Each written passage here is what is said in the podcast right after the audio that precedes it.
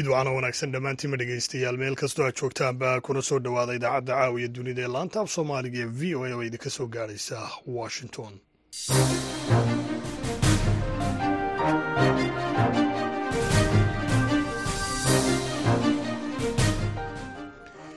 fiidnimo wanaagsan dhammaantiinma dhegaystayaal meel kastoo aad joogtaanba waa arbaca taariikhduna ay tahay koob iyo labaatanka bisha februari ee sannadka laba kun iyo afar labaatan waxaad naga dhegaysanaysaan muujadaha gaagaaban ee lix iyo tobanka iyo sagaal iyo tobanka mitirban iyo weliba guud ahaanba dunidood nagala socotaan boggayaga v o a somali com haatana dhegaystayaal saacadda afrikada bari waxay tilmaamaysaa toddobadii fiidnimo idaacaddana waxaa halkan idinkala socodsiin doona aniga oo ah cabdixakiin maxamuud shirwac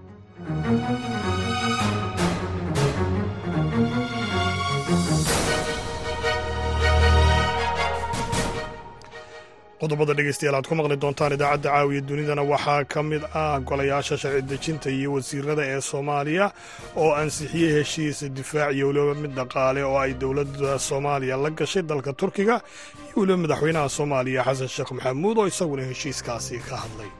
Waxaan kaalmada u weydiisanaynaa etoobiya in lala diriro ma aha dal kale in lagu duulo ma aha cid kale in la maxaanku idhahdaye la dulmiyo ma aha danaheenna dalkeenna inaan difaacno inaan lagu kaalmeeyo dowladda turkiga heshiiska aan la galnay horta intaasuu asalkiisa yahay oo maanta baarlamaanka soomaaliyeed uu soo ansixiyey na kaalmeeya baddeenna sidaan u difaacano waxaa kaloo aada dhegaysan doontaan madaxweynaha somalilan muuse biixi cabdi oo isaguna mar kale ka hadlay heshiiska dooddu ka taagan tahay ee somalilan ay la gashay etoobiya waxay noo noqotay qolada dowladda in etoobiya danta ay leedahay dantaan le aanu midayno oonu baargeyn garayno adiga maxaa kuu daran? Bad seed gaadho anna maxaa daran? Ictiraaf inaan uk aad iigu horseedo. Oo labada ma iswaafajin karnaa haa dee waan iswaafajin waa ku dhigrin. Qodobadaasi weliba kuwo kale oo soomaalida iyo caalamkaba ku saabsan oo uu ka mid yahay barnaamijkii haweenka iyo qoyska ayaad dhegaystayaal ku maqli doontaan intaan idaacadda ku guda jirna hase yeeshee. Marka hore ku soo dhowaada qaar ka mida qodobadii wararka adduunka ugu waaweyna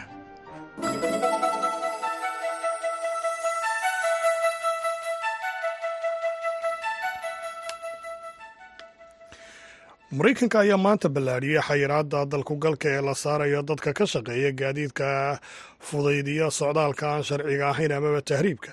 Xilli maamulka madaxweyne jo biden ay wadaan hannaan ay kula dagaalamayaan tirada soo galootiga sharci darrada ee ka soo tallaabaya xuduudda koonfureed ee waddankan maraykanka xayiraadan ayaa sida oo kale lala beegsan doonaa dadka iska leh kuwa maamula iyo weliba saraakiisha sarsareed diyaaradaha gaadiidka dhulka iyo weliba kuwa badda iyo shirkadaha bixiya adeegyada gaadiidka loo diyaariyey amaba loo qaabeeyey in ay qaadaan. Dadka raba amaba doonaya in ay u soo haajiraan waddanka maraykanka sifo sharci darro ah.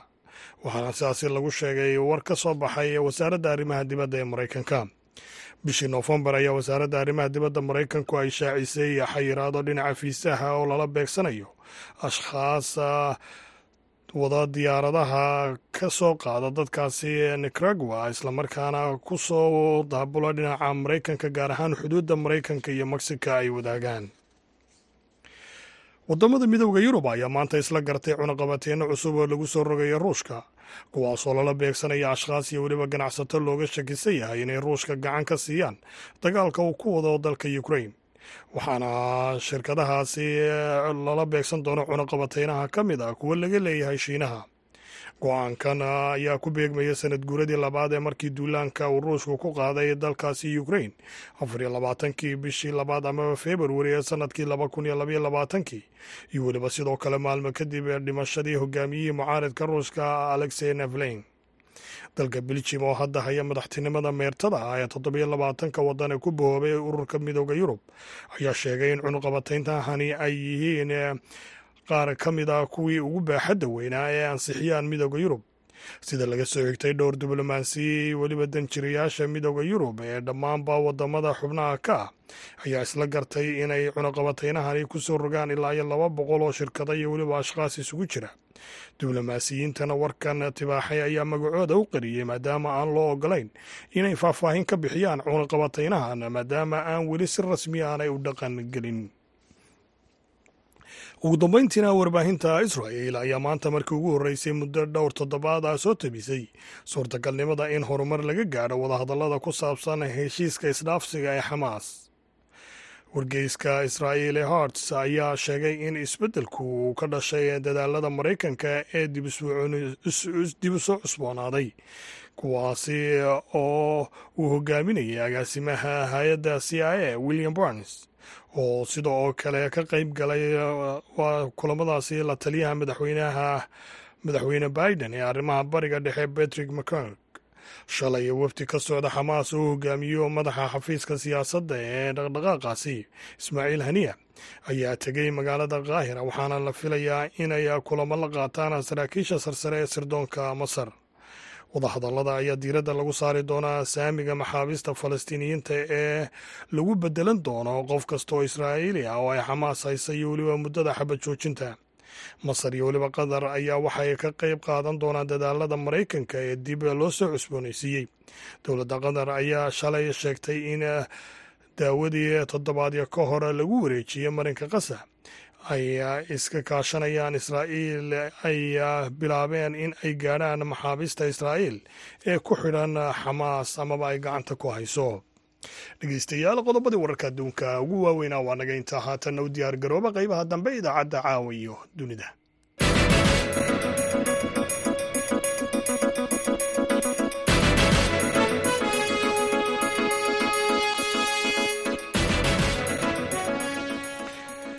aan ku bilownay dhegeystayaal golayaasha fulinta iyo weliba sharci dejinta ee soomaaliya ayaa ansixiyey heshiis muhiima oo horaantii bishan ay soomaaliya la gashay dowladda turkiga. Madaxweynaha soomaaliya oo goordhowey hadlayna waxa uu ammaanay heshiiska oo uu sheegay inuu u soconayo muddo toban sanno ah waxaana uu sheegay madaxweynuhu in heshiiskan aanu ahayn mid lagula dagaalamayo etoobiya warbixintan waxaa inoo haya xuseen barre aadan heshiiskan ayaa lagu magacaabaa heshiiska iskaashiga difaaca iyo dhaqaalaha. Waxaana siddeeddii bisha lagu saxeexay dalka turkiga. Golaha wasiirada ee soomaaliya ayaa shir ay maanta oo arbaca ah ay yeesheen heshiiskan ku ansixiyey. Waxyar kadibna waxaa heshiiska ansixiyey xubnaha baarlamaanka soomaaliya.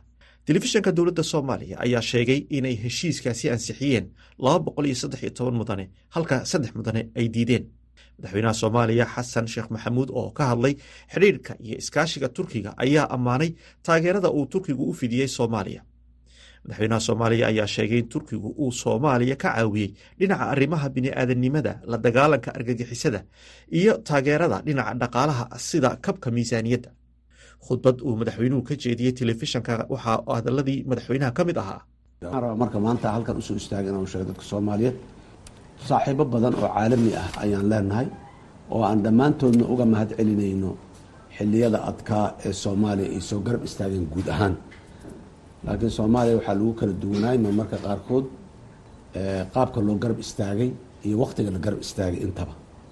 Waxaan si gaara rabaa marka dadkaas faraha badanna iyo dowladahaas faraha badanna iyo hay'adahaas faraha badan oo soomaaliya soo garab istaagay wakhtiyadii u baahnayd inaan ka soo qaado hal dowlad oo maanta duruufta taagan awgeedna aan uga soo uga soo dhex bixinay waa dowladda walaalaha ah ee turkiga.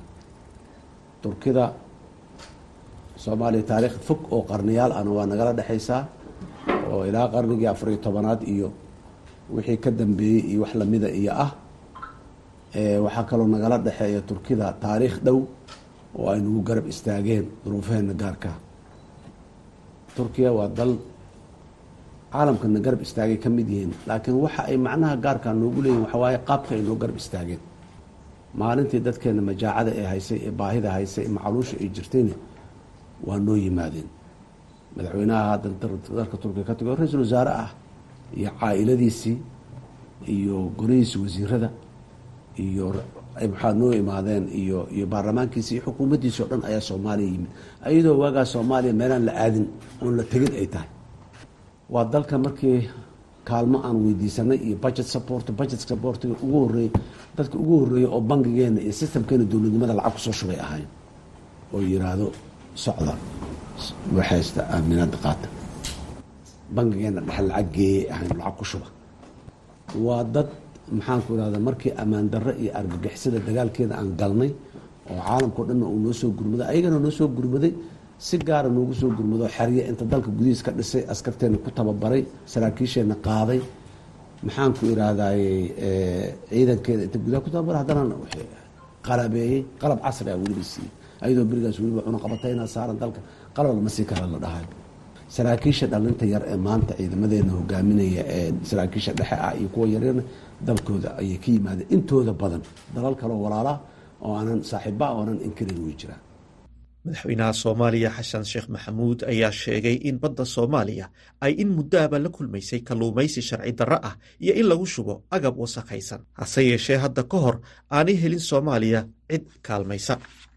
Madaxweynaha soomaaliya ayaa sheegay in sababta soomaaliya kaalmada u weydiisatay turkigu aanay ahayn in etoobiya lala dagaalamo ama lagu duulo. Ujeeddadu waxa weeye ayuu yidhi waa in na lagu kaalmeeyo baddeenna sidii aan u difaaci lahayn isagoo qodobkaasi ka hadlayana waxa uu yidhi.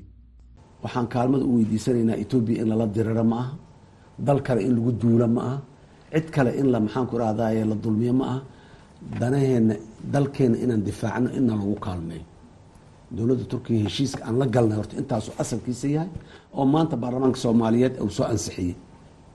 Na kaalmeeya baddeenna sidaan u difaacano hadda maanta turki soo duushay oo etoobiya ku duulayso ma rabnana.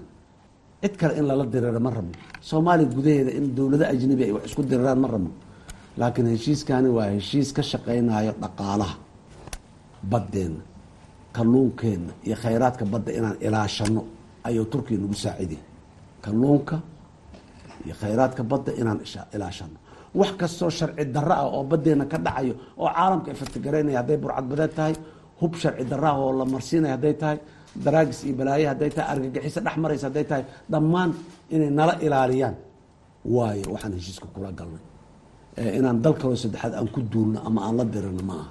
Heshiiskaasi waa heshiis xayndaab heshiis waaye brotocollo badan iyo heshiisyo badana ka sii rakibmi doono oo ka sii tafaasiilidi doono laakiin heshiiskaasi aakhirkiis wuxuu dhalaa oo hadafka ugu dambeeyo toban sano kabacdi iyo wakti lamida uuna gaarsiinay waxay tahay ciidan bad oo biyaheena difaaci kara inaan yeelano inta ka horeysana walaalaha ay nala difaacaan badda oo burcadbadeedka iyo kalluumeysiga sharci darada iyo kuwa maxaa waxyaabaha illegal activitieska howlaha sharciga aan waafaqsanayn oo dhan inay nagala nagala ilaaliyaan. Waaye dadka soomaaliyeed dad dowladda turkiya waa dad aan aamini karno ku aamini karno howlaha qaarkood cid kaleo maanta hadda heelano oo annagaa shaqadaas idiin qabanahayna maxaa dhacayna? Dhahaysana ma jirto. Goor hore oo maanta ahna ra'iisul wasaaraha soomaaliya xamse cabdi barre oo hadlayey kadib ansixintii heshiiskan ayaa ku tilmaamay inuu yahay mid masiiri ah oo dhaxalgal ah. Ra'iisul wasaaraha soomaaliya ayaa sheegay in heshiiskan uu dhigayo in turkigu ay dhisaan tababaraan islamarkaana qalabeeyaan ciidamada badda ee soomaaliya. Heshiiska ayaa sidoo kale xoojinaya wax soo saarka khayraadka badda sida uu sheegay ra'iisul wasaaruhu waxa uu sheegay ra'iisul wasaare xamse in heshiiskan uu meesha ka saarayo wixii cabsi ah ee dhinaca argagixisada burcadbadeeda kalluumaysiga sharci darrada ku subista sunta iyo xadgudubyada iyo halista dibadda ah ee ku iman lahaa badda soomaaliya. Ra'iisul wasaaraha ayaa ku tilmaamay turkiga walaal dhab ah oo la isku hadlayn karo sida uu hadalka u dhigay. Heshiiskan ayaa imanaya xili xiisad ay u dhaxayso dowladaha etoobiya iyo soomaaliya taas oo ka soo bilaabantay is-afgaradkii ay bishii hore wada gaadheen etoobiya iyo somalilan is-afgaradka ayaa mas'uuliyiinta somalilan ay sheegeen inuu dhigayo in dhul badeed labaatan kilomitir ah laga kireeyo etoobiya halka etoobiya ay aqoonsanayso somalilan somalilan iyo etoobiya ayaa labaduba waxa ay difaaceen is-afgaradkaasi. Ra'iisul wasaaraha etoobiya aabi axmed ayaa dhowaan sheegay in etoobiya aanay doonaynin in ay dhibaatayso soomaaliya soomaaliya ayaa is-afgaradkaasi ku tilmaantay inuu xadgudub ku yahay madax bannaanida iyo midnimada dhuleed ee soomaaliya. Dhinaca kalena madaxweynaha somalilan muuse biixi cabdi oo koox kubadda cagta kula hadlayay magaalada hargeysa ayaa soo hadal qaaday heshiiska muranka dhaliyey ee somalilan iyo etoobiya ay kala seexeedeen iyo weliba sababta keentay.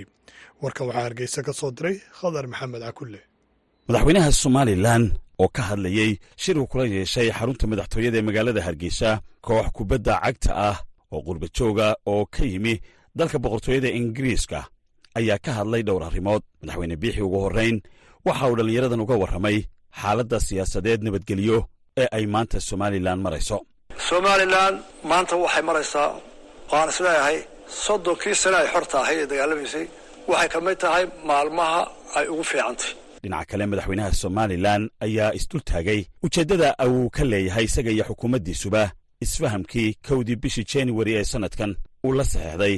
Ra'iisul wasaaraha waddanka etoobiya dhibaatooyin badan baan soo maray laakiin maanta waxaanu taagannahay waa markii ugu horraysay ee aynu hayno dowlad afrika ah oo xoog leh oo ku dagaalamaysa oo caddaysanaysa annagu somalilan waa ictiraafayna in badan oy soo socotay arrintaa waxaa qayb weyn ka qaatay dhallinyaro qurba taa etoobiya markii cabaar wada hadlay waxay noqotay adduunyada nin waliba dantiisu mu raaca. Nina nin sadaqa ma siiyo. Charity lasma siiyo. Dal waliba dantiisu eganay halkaa maxaan ka helay? Tusaale wanaagsan waxaan u soo qaadanaya south sudan oo aanuba diyaar ahayn dowladnimo qabaar istilaayaa shidaalkii laga helay shiinuu soo saaray ayay reer galbeedka loo dabceen in la wareega dabeetana way kala gooyeen oo way ictiraafeen. Markaa waa inaad awoodda aad leedahay waana iibisaa. Awoodda aad leedahay hadduu bablasha yahay hadduu dhaqaale yahay hadduu macdan yahay hadduu strategic point yahay waxaa laga rabaa inaad dee aad cid yeelato. Sidaa darteed waxay nala noqotay qolada dowladda in etoobiya danta ay leedahay dantaan le aanu midayno oonu baargeyn garayno. Adiga maxaa kuu daran? Bad seed u gaadho anna maxaa daran? Ictiraaf inaan uk aad iga horseedo.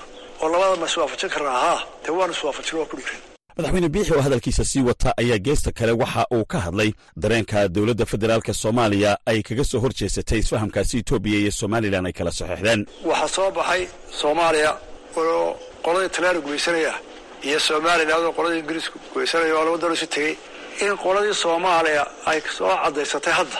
Inaanay ay u bareedha inay tidhahdo waxa somalilan la ma jire eh waa gobollo annaga ahoo waxna ma goosan karaan mana talin karaan cidna la hadli maayaan. Annaga joogna annagana soo mara. Khadar maxamed cakuule v o e hargeysa.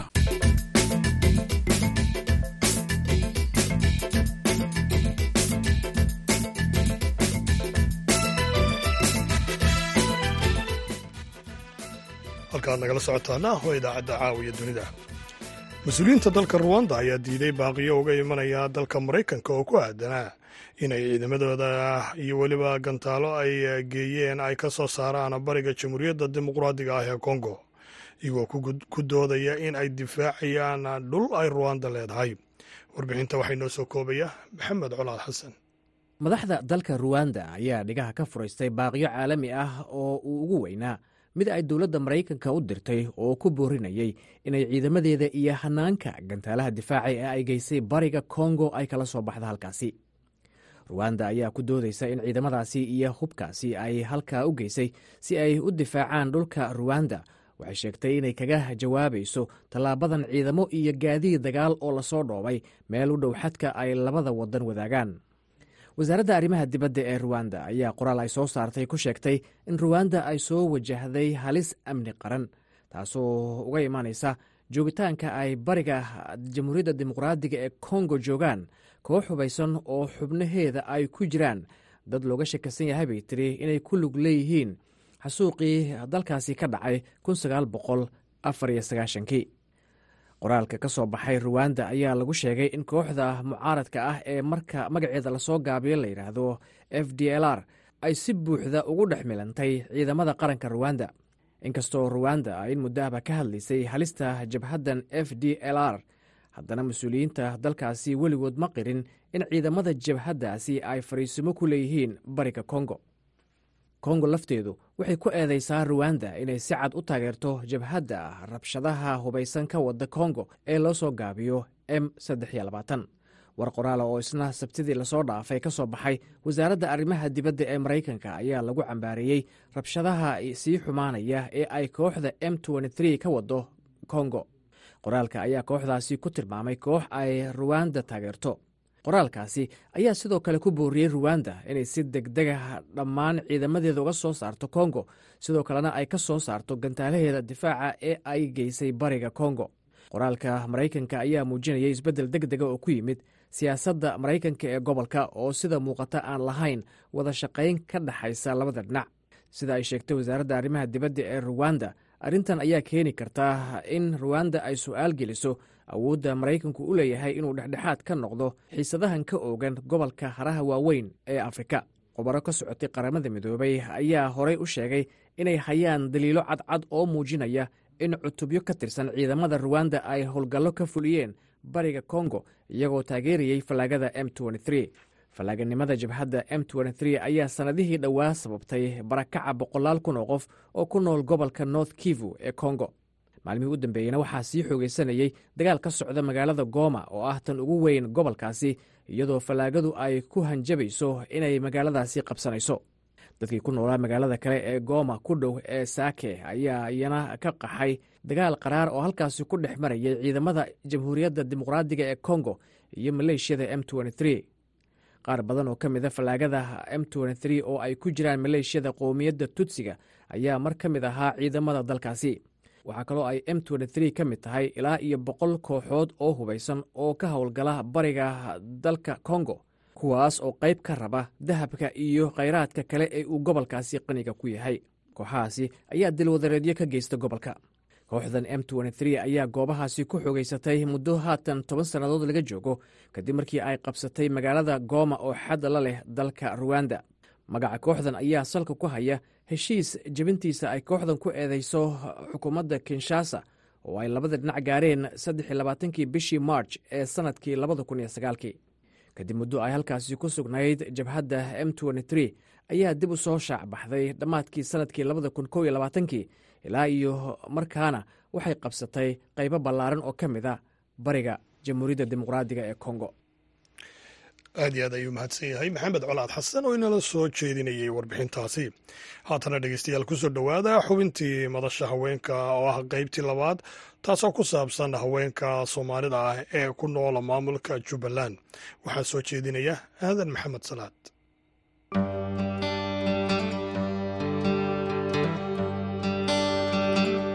tan iyo markii ay burburtay dowladdii dhexe ee soomaaliya.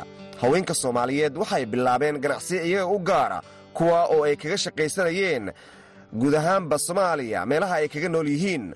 Waxaana markaasi soconayay abaabul xooggan oo ay wadeen dumarka oo ay ku badbaadinayeen nolosha carruurtooda iyagoona markaasi bilaabay ganacsiyo u gaara haweenka.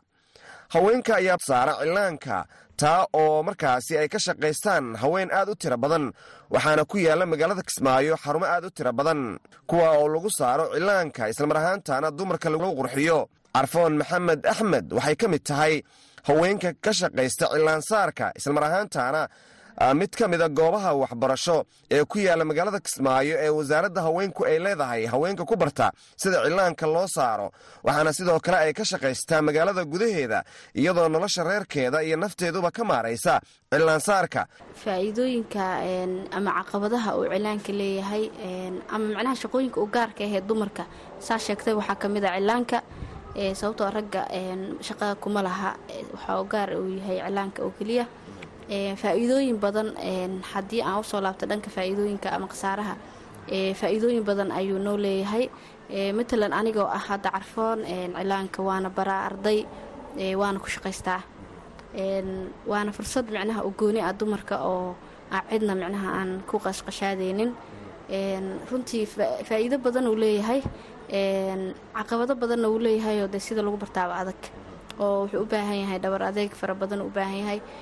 Maadaama waxa aan dee waxbarayno ama maxaan ku rahdaye aan u shaqaynayno ay dumar yihiin haddana waxaa ayaga naftirkooda caqabado kala kulanaa oo dee dumar markay laba dumara meel isugu imaadaan isfahankooda aada u yaraanayo marka aad iyo aad kolley waan ku faa'iidnay wuxuu ahaadaba.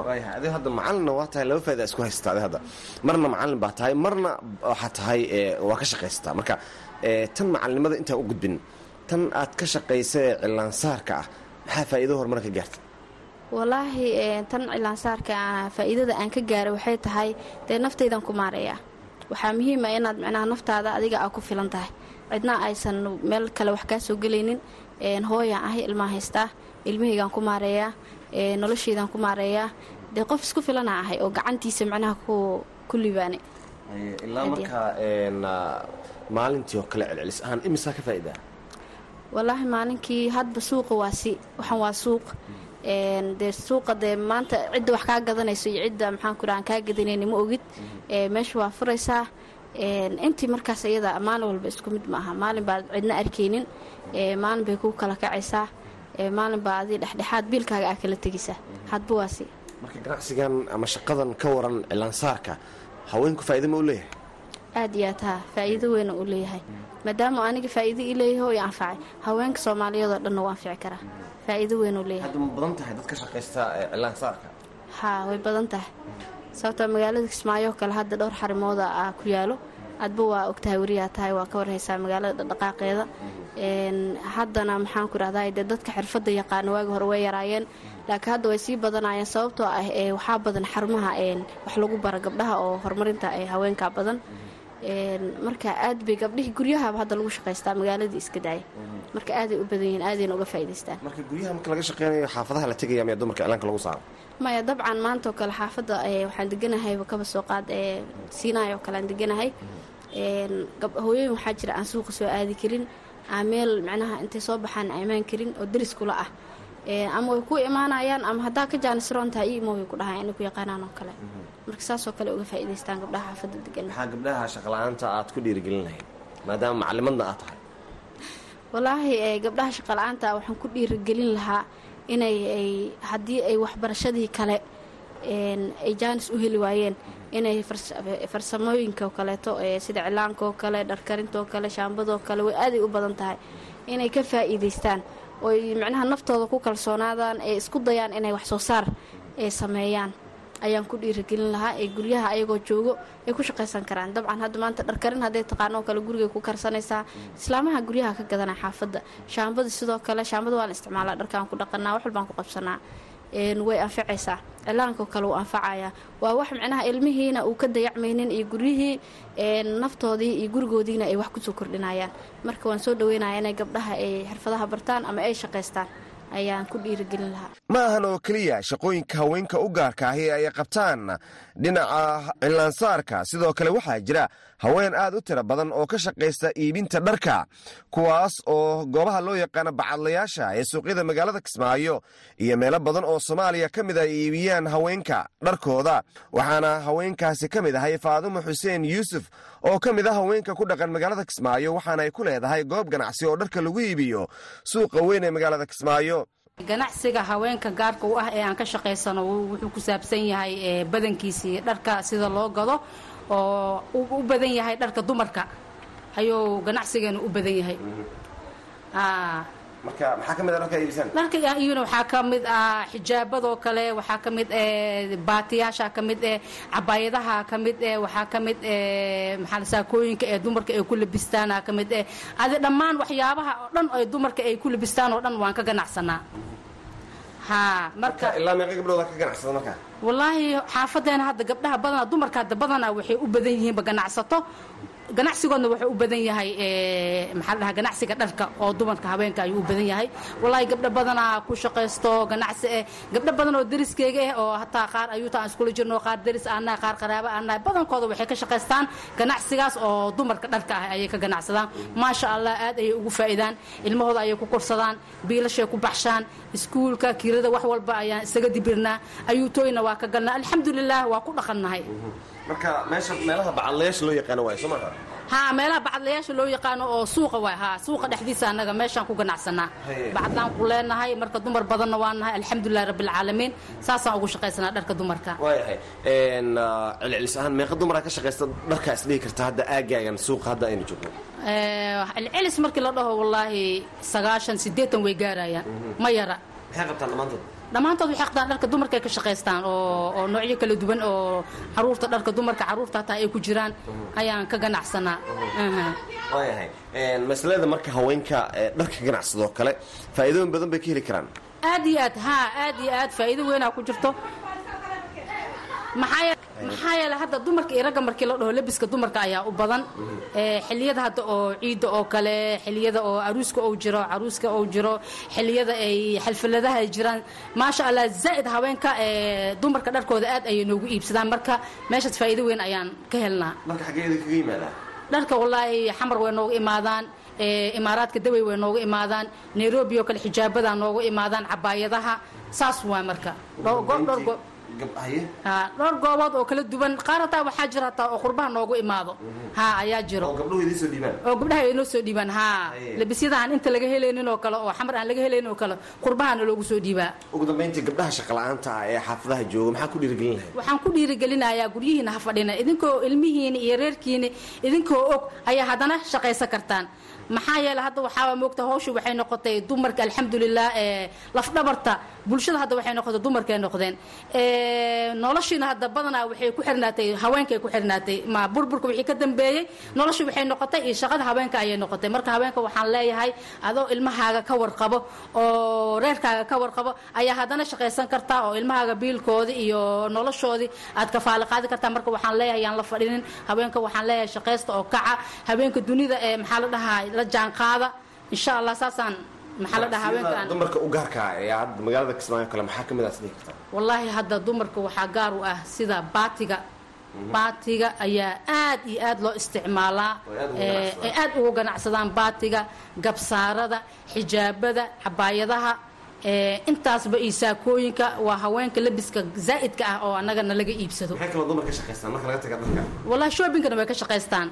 Shoobinka dumar badan oo hadda waxaa jira shoobinka ka shaqeeyo qaar waxaa jira khudaar gadaa jiro qaar waxaa jira maqaayado ka shaqeeyaa jiro qaar waxaa jira cilaan saarka oo kale cilaanka saaro qaar dharka kariyo. Alxamdulilah shaqooyinka dumarka hadda ay qabtaa aad bay u fara badan tahay. Fardowse ibraahim cumar waxay ka mid tahay haweenka qabta shaqooyinka u gaarka ah ee dumarka oo ay ka mid yihiin samaynta uunsiga karinta dharka iyo waxyaabo kale oo ay u iibgeyso suuqyada waaweyn ee magaalada kismaayo. Mar aynu wax ka weydiinnay waxyaabaha ay qabato iyo saamaynta nolosheeda ay ku yeesheen iyo caqabadaha ka iman kara ayaa waxa ay sheegtay. Walaalow shaqooyinka haweenka u gaarka ah oo aan qabto waxaa ka mid a dharkariska uunsiga qudaarta oo la qallajiyo ayadana oodkaca alaab kaloo ayadana originaal oo qudaarta laga sameeyo dalka ayadana la ismariyo. Shaambooyinka waxaasoo dhan aan qabtaa. Waa gartay. Marka waxyaabahaasi dhaqaalaha aad ka hesho maxaad ku maaraysaa? Qoyskaygaan ku maareeya walaal. Qoyskaygaan ku maareeyaa marka hadda waxaa laga yaabaa in wax walba ay caqabada leeyihiin marka la eego dharkarinta oo kale bal ka war xaaladeeda. Caqabada way leedahay walaalow dharkarintu caqabaday leedahay caqabaday leedahay waxaa waay waxa kimikaal a wax ku karinaysid haye waxay rabtaa waxyaabo badan oo la iskaga ilaaliyo maadaama aanan awoodin waxyaabihii qalabka ahaay oo la iskaga ilaalinaya aanan haysan. Mar waxaa soo gaaraysa cusbada intayna gaarto aniga gabdhaha karinaayo ay faruhna googo-aan mar ay elerji nagu noqoto caqabado badanaan kala kulanaa gartay wakaasa marka caqabadahaasi maxaa looga hortegi karaa? Maxaa loo baahan yahay? Marka dhar la karinayo oo kale. Waxaa loo baahan yahay dee qalabka wixii looga hortegi lahaa. Gacmahoo kale marka la qasaayo oo kale oo waxaan la la samaynaayo kimikaal waa la isku daraayo kimikaalkaas oo kale wixii kaa difaaci lahaa waa loo baahan yahay. Marka dharka la dhaqaayo la hagaajinaayo kimikaalkaas wixii lugaha la gashanaayo wixii gacmaha la gashanaayo wixii wejiga la gashanaayo qalab badanaa loo baahan yahaa gartay maadaama marka kooxaas ka hortagaa tirada badan aana sababteenana ayna dhammayn aanana haysanin. Marka caqabadaha nagu deerinay ka mid yihiin. Marka si looga gudbo ma isleedahay haddii la helo qalabkaasi waxyaabo badan ayaad soo saari lahaydeen oo dharka ay uga horeeyaan ha ha wax badan wax badanaa isbedeli lahaa wax badan. Gartay dharkarintan marka laga tago waxyaabaha kale aad samaysa maxaa ka mid a? Waxaa ka mid a uunsiga. Gartay uunsiga oo aan magac u samaystay iskiisar u samaystay caagado u samaystay ayagoo kartooma aan soo saaro oo dukaamada magaalada ku yaalla aan u beecgeeyo iyo tuulooyinka. Gartay kismaayo ina waaxigeedaad geysaa? Ha haye marka dhaqaale ma ka heshaayo noloshaada ma ku maaraysaa ha waxaa walaal dhaqaalo laga helin dee laguma daali karo waa laga helaa dhaqaalo gartay laakiin dee wixii soo saarkii oo tirada badnaa ma soo saari karo oo way wixii waxaan aan hadda dab ku samaynayo waaye uma haysto qalabkii iga saacideyn lahaa iyo wixii awoodeeda isiin lahaa ma haysto. Maadaama aanan haysto wixii awoodii dheeraadkaa isiin lahaa oo qalabkii aan ku soo saari lahaa waxaa laga yaabaa bishii oo dhan inaan sideed kartoon sagaal kartoon soo saaro haye qalabkaas marka maxaa ka mid a ee loo baahan karo? Waxaa ka mid a aalado badan uu leeyahay. Wixii lagu samayn lahaa makiinado sameeyaa jiro makiinadahaas oo kale haddii la iga caawiyo qalabka lagu sameeyo sida catarada caagadaha lagu shubo iskiisarada bahalada lagu samayn lahaa. Waxaasoo dhan haddii la iga caawiyo waana wax badan inaan soo saari lahaa kana bedeli lahaa. Haween baa jira oo shaqa la'aana oo kugula nool magaalada aad ku nooshahay ee kismaayo nawaaxigeeda maxaad ku dhiirigelin lahayd si sidaadoo kale ay u noqdaan? Hooyo kasta waxaan ku dhiirigelin lahaa inay shaqo samaysato. Waayo gacan bila aadan laguma dhargo. Gacanteeda inay ku haka baxdo oo wax un oo ay isku dhiirigelin un samayso. Wax un hadafka ah ay yeelato. Hadafkaasna un mar un bay gaarisay u daalayso. Haweenka oo inta badan lafdhabar u ah bulshada ayaa tan iyo markii ay burburtay dowladdii dhexe ee soomaaliya waxay wadeen dadaallo xooggan oo nolosha carruurtooda iyo tareerahooda ay ku badbaadiyaan iyagoona samaystay ganacsiyo u gaara oo aanay ragga soo dhexgeli karaynin. Waxaana ka mid ahay goobaha cillaanka lagu saaro iyo goobaha dumarka lagu qurxiyo iyo sidoo kale goobaha dharka haweenka lagu iibiyo taa oo u gaar ahay haweenka. Guud ahaan dhegaystayaal intaas ayaan ku soo gebagabeynayaa barnaamijka madasha haweenka ee toddobaadkan idinkaga imaanayay magaalada kismaayo. Anigoo aadan maxamed salaad ayaa idila socodsiinaya tan iyo kulanti dambe nabadgelyo.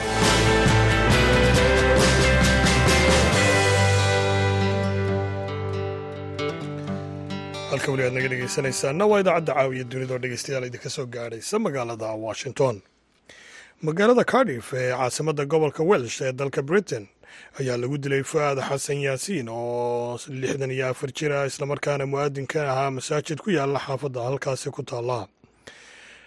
Ilaahay u naxariistay marxuum fu'aad ayaa ahaa aabbaha toddoba carruura waxaana soomaalida cardiff ay ku tilmaameen tiir ka mid ahaa xarunta islaamka ee koonfurta wels jaaliyadda soomaalida ee ku dhaqan cardiff ayaa si weyna uga naxay dilka wadaadkaasi loo geystay wariyaha v o e qaaradda yurub cabdixaafid cawil ismaaciil ayaa haddaba arrintan ka waraystay naasir ciise cali geeljire oo ay saaxiib ahaayeen marxuumka.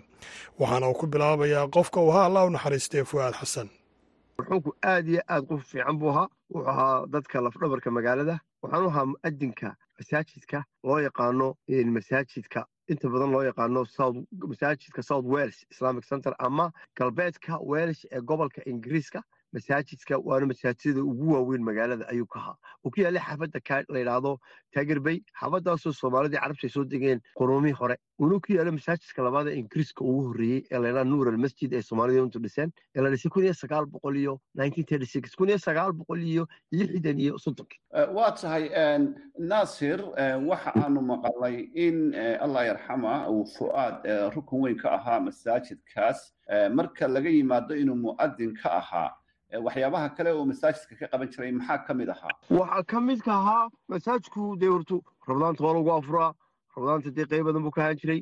Masaajidka midda kale dee wuxuu baahan yahay maamul wuxuu baahan yahay de hawlo la kala wado wuxuu baahan yahay de in la nadiifiyo.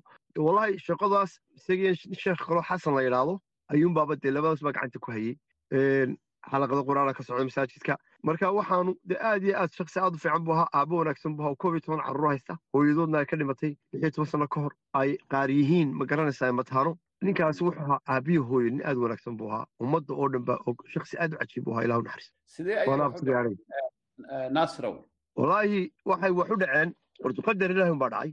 Ninkan masaajidka ayuu iman jiray masaajidka markuu iman jiray ninkani isagoo xaafad fog masaajidda kale iman jiray berigii hore markaas ninkani waa nin afghania waa nin dadkii cusbaaye la keenay ee dowladda ingiriiska soo qaaday garan maayo wuxuu ahaa inuu ciidamada iyo waxaa garan maayo laakiin qaxoontiga cusbaa u xanuunsaday ninku masaajidkuu ku shubi jiray aad u qurato maaha sheekh kale ee xasan leen yamanigan wuu hujuumay labadooduba afar wiil ka hor baa la soo daayey labadoodaba aad buu daba dhigtay wuxuu doonayay quratu ku haystana waxay inuu masaajidka furaha qaato doonayay uu isagu maamulo waxa kalena may ahayne ninkan xanuun baa hayey booliska waa u sheegeen boolisku afar wiig bay xidheen waa la soo daayey markii la soo daayeyna haddana masaajidkii buu kula tukaday subaxdii masaajid ku wada tukadeen gurigiisa hore u soo eegtay wuu u dabagalay sideeddii buu ku qaraacay albaabka dee qof iska caadi moodii wuu ka furay halkaasuu ninkaa ku tooriyey midi aad ula dhacay marka ninkani nin xanuunsanayu ahaa nin waalan buu ahaa ninkaa fu'aadna dee wedkiisuunbaa galay wax ka dhexeeyo weyn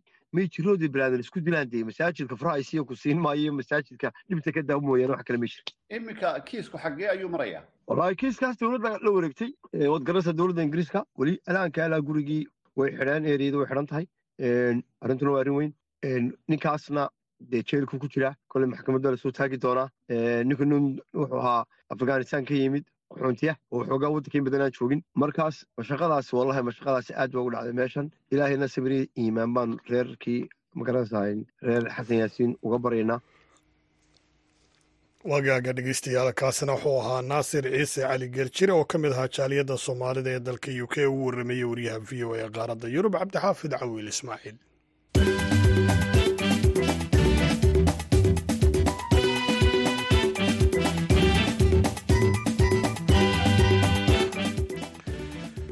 mas'uuliyiinta maamul goboleedka koonfur galbeed ee soomaaliya ayaa wada qorshe ay sheegeen in lagu bilaabayo wejigii labaad ee dagaalka ka dhanka ururka al-shabaab oo dhowaan ka bilaabmaya deegaanada koonfur galbeed. Warkan waxaa inoo soo diray mukhtaar maxamed catoosh wasiirka amniga dowlad goboleedka koonfur galbeed soomaaliya iyo wafdi uu hogaaminaya oo gaaray deegaano ka tirsan gobolka bakool oo xadka ethoobiya soomaaliya ay la leedahay ku yaalla ayaa kulamo la qaatay qeybaha kala duwan ee bulshada deegaanada ay tageen wasiirka iyo wafdiga la socda waxaa ka mid a yeed caato washaaqe iyo deegaano kale oo dhaca xadka ethoobiya waxay ka wada hadleen qeybaha kala duwan ee bulshada ay la kulmeen diyaargarowga iyo sida ay qeyb uga noqon lahaayeen howlgalka ka dhanka ah kooxda al-shabaab oo wejigiisii labaad dhowaan la filayo koonfur galbeed inuu ka bilowdo. Wasiirka amniga xasan cabdiqaadir maxamed oo aan khadka telefoonka kula xidhiiray ayaa ii sheegay inay wadaan diyaargarowgii ugu dambeeyey oo lagula dagaalamayay kooxda al-shabaab maadaama rababkii da'aya ay hakadeen wadooyinkii dhiiqada ahayna ay qallaleen waa mahadsan tahay weli cabtoosh adiga iyo bahda v o a guud ahaan waa sax oo waxaan tagnay tuulooyinka ku yaalo xadka dowlad goboleed koonfur galbeed ay la leedahay dowladda ethoobiya oo kelinka shanaad ah. Runtii waxaan la kulmaynay bulshada qeybaheeda kala duwan maadaama hadda xilli roobaadkii dhammaaday oo sidaad og tahayna dalka guud ahaan dagaal ka socdo oo khawaariijtii lala diriraayo in dadkeeni aan aragno la diyaar gareeyo oo bulshada la wacyigeliyo oo arrimaha dagaaladaas markii wax la bilaabo siday ugu qeyb qaadan lahaayeen loo sheego socdaalkeena saasuu ahaa iyo in aan ogaano guud ahaan baahida ay qabaan maadaama meel xuduud ah ay ku yaalaan baahooyinka aas-aasiga ah oo dowladeed oo ay qabaanna inaan ogaano wafdiga qeybo fara badan oo ka koobnaa aniga keligayga ma ahayn marka waa ka. Waa tahay. Wasiir dhulka waa u qalalay. Hadeertaan gaadiidkan caadi ay isugu safri karaan. Goormeed howlgallada bilaabaysaan. Howlgalka bilaabadiisi waxaa ka horreeya diyaargarow waa ka horreeya hadda diyaargarowgiyaa lagu jiraa iyo bulshadii qeybta ugu weyn ka qaadan lahayd dagaaladaas in la diyaariyo. Marka dadaal fara badana socdo. Dadka aada la kulanteen maxaad kala hadasheen runtii dadka way soo dhoweeyeen wayna naceen qoladan khawaariijta guud ahaan in mar un laga dulqaadana way rabaan waxayna noo ballan qaadeen inay diyaar u yihiin inay ciidankooda garab siiyaan inay ayaga ciidanka ka berber dagaalamaan. In dowladoodii wax kasta oo ay ku taageeri karaan oo ay awoodaan ku taageeraan baahiyaha gaarka ahoo dowladeed oo ayaga ay u baahan yihiin in wax laga qabtay codsadeen marka waa waa dad runtii dowladnimada u bisil dhibaatadan khawaariijta wadana aad maaragtay u dhibsaday oo muddooyin ku jiray go-doon waaye. Marka waa runtii wax weynay u ahayd. Koonfur galbeed iyo dowladda federaalk oo iskaashanaya ayaa wada dhaqdhaqaaqyo ku aadan sidii loo bilaabi lahaa dagaalka wejiga labaad ee kooxda al-shabaab. Dhanka kooxda al-shabaab ayaa muddooyinkii ugu dambeeyey mararka qaar weeraro ku dhufoo ka dhaqaaq waxa ay ka sameynayeen deegaano ka tirsan koonfur galbeed mukhtaar maxamed catoosh v o a baydhabo haatanna dhegeystayaal ku soo dhowaada xubintii dooda gaaban oo inoo hayo xasan kaafi qoyste.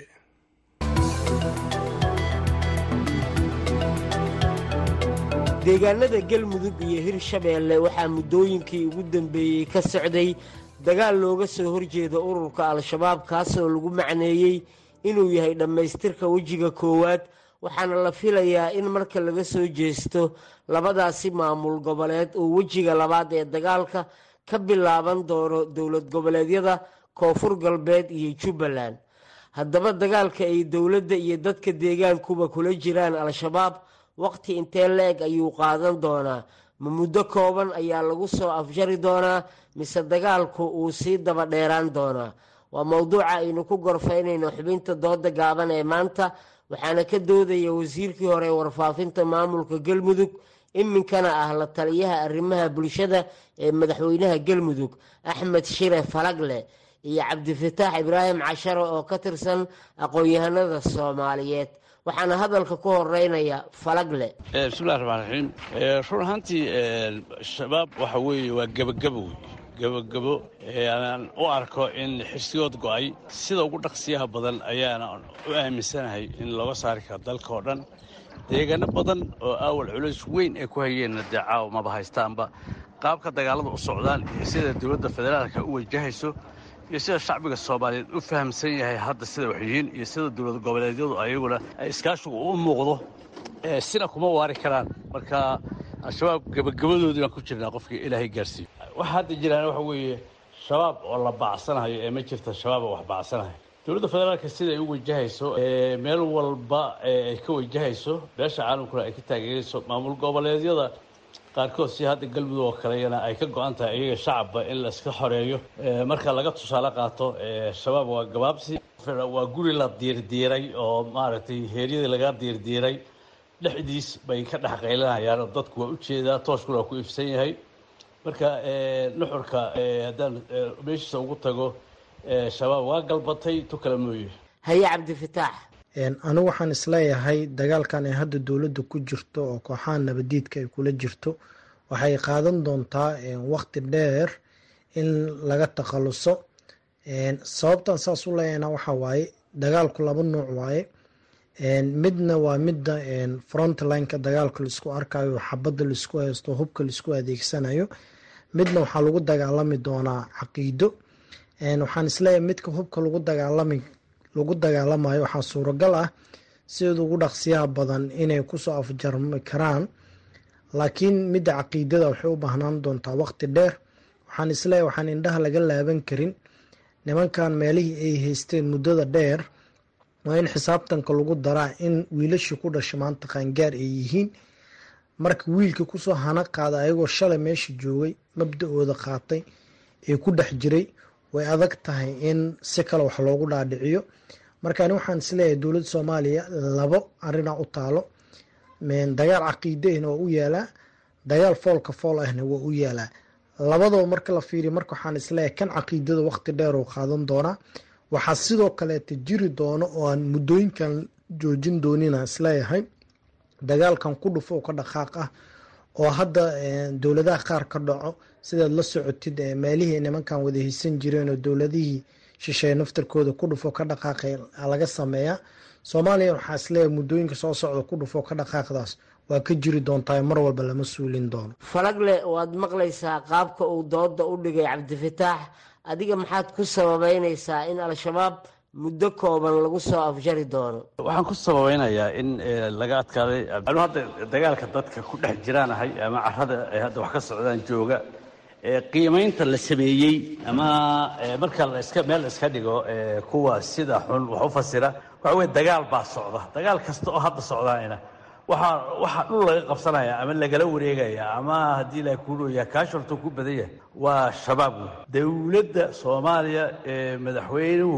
uu hogaaminaya xasan sheekh qaabka go'aanka ay u gaartay in dalka laga xoreeyo waa mid moral ah waa mid cudud ah waa mid maskixiyana waa mid wadaninimo ah. Dagaalka hadda lagu jiraan waxa weeye waa mid koox yaro dhuumaalaysanaysa aysan aan la oran karin wuu daahaya sabab daahin kartaan anu ma ogi. Walaalkay waxaan leeyahay cadow maalin walba magaalo laga saarayo inay daahayaan inuu u nisbeeyo hadda biciisan maayo. Laakiin xaqiiqda jirta haddii dagaaladu saan ku sii socdaan anu ma ogi hadday jiraan waxyaalo kaloo qarsoon. Waxaan hubaa soomaalidu waa ka xoroobaysaa intii ay awalba haysteen. Waxaana ku abda-ah waxa weye deegaanada hadda la xoreeyey ama dadkii laga xoreeyey ama dadka hadda ku dhex jiraay dabayl caafimaad baa martay wadaninima muuqata farxadaa muuqata wayna xagsanayaan deegaanadooda shabaabna waa ku daayey sagootisay ku jiraan iyo iyo haddii ilaah kuluu yahay haalihii ay geysteen la nadiif. Cabdifataax waxaad sheegtay in dagaalka lagula jiro al-shabaab uu sii daba dheeraan doono. Maxaa daliila oo aad arrintaas u cuskanaysaa? Waxaan ku sababeynaa xaskaafi qoyste sidaad la socotid shabaab laba kun koo iyo tobankii xilligii madaxweyne shariif sheekh axmed oo madaxweynaha dalka ka ahaa. Tusaale waxaa kugu filan shabaab waxaa laga saaray caasimada soomaaliya muqdisho.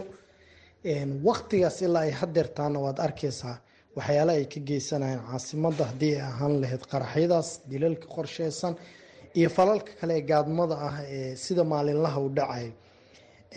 Marka waxa aniga aan ka hadlayo oo aan taagana waxa weeye raggu xabad ahaan waa loogu adkaan karaa sidii haddaba caasimadii loogu saara loogu saari karaa deegaanada kaleeto.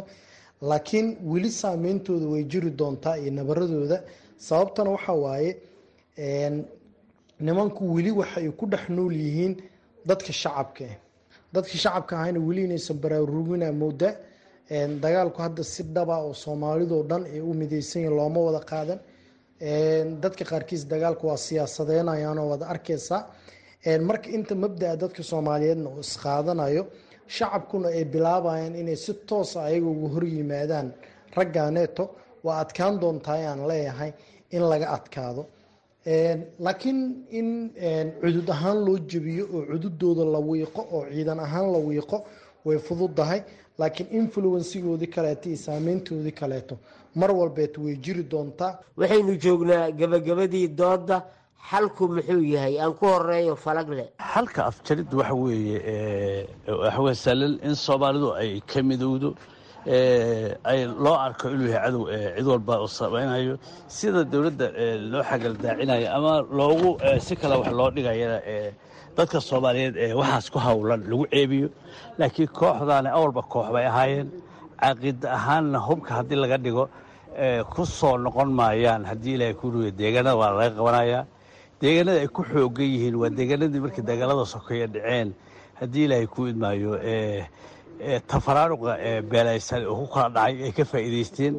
Haddii deegaanka ay hadda caawa ku jiraan ceel la qabto waxaan aad u hubaa oo caddaynayaa inaysan kula soo noqonin kuna soo noqon karin. Shabaabna waa laga adkaaday. Cabdifitaax haddii aan ku siiyo dhinacaaga maxaad ku soo gebagabaynaysaa oo aad xalkana u aragtaa xaskaafiyow aniga waxaan u arkaa in dagaalkan lagula jiro al-shabaab si uu u soo afjarmo in loo baahan yahay in dowlad goboleedyadu ay ka noqdaan dagaalkan daacad. Waa in la ogaadaa saameynta ay raggan leeyihiin soomaaliya oo dhan ay dhibaato ku tahay.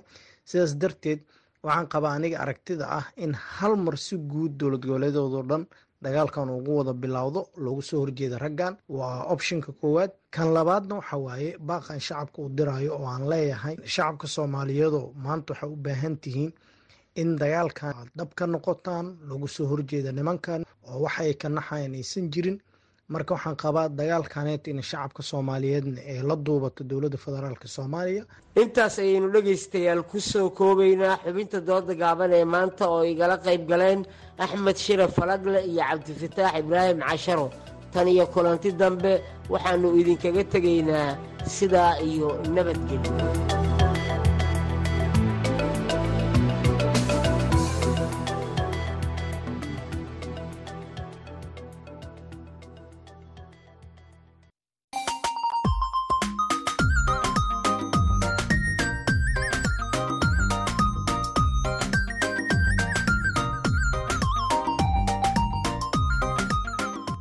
bandhiga v o barnaamijka bandhiga v o a waa barnaamij oo idinku tala gashay laanta af soomaaliga ee v o a. Bandhigga v o a waxaad khamiis walba kaga bogan kartaa qormooyin kala duwan oo la xidhiidha taariikhda iyo aqoonta guud dhaqaalaha sharciga iyo samafalka.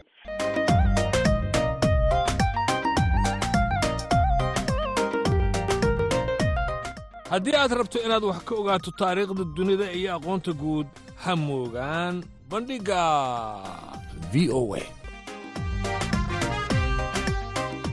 Bandhigga v o e kala soco laanta af soomaaliga ee v o e maalin kasta oo khamiis ah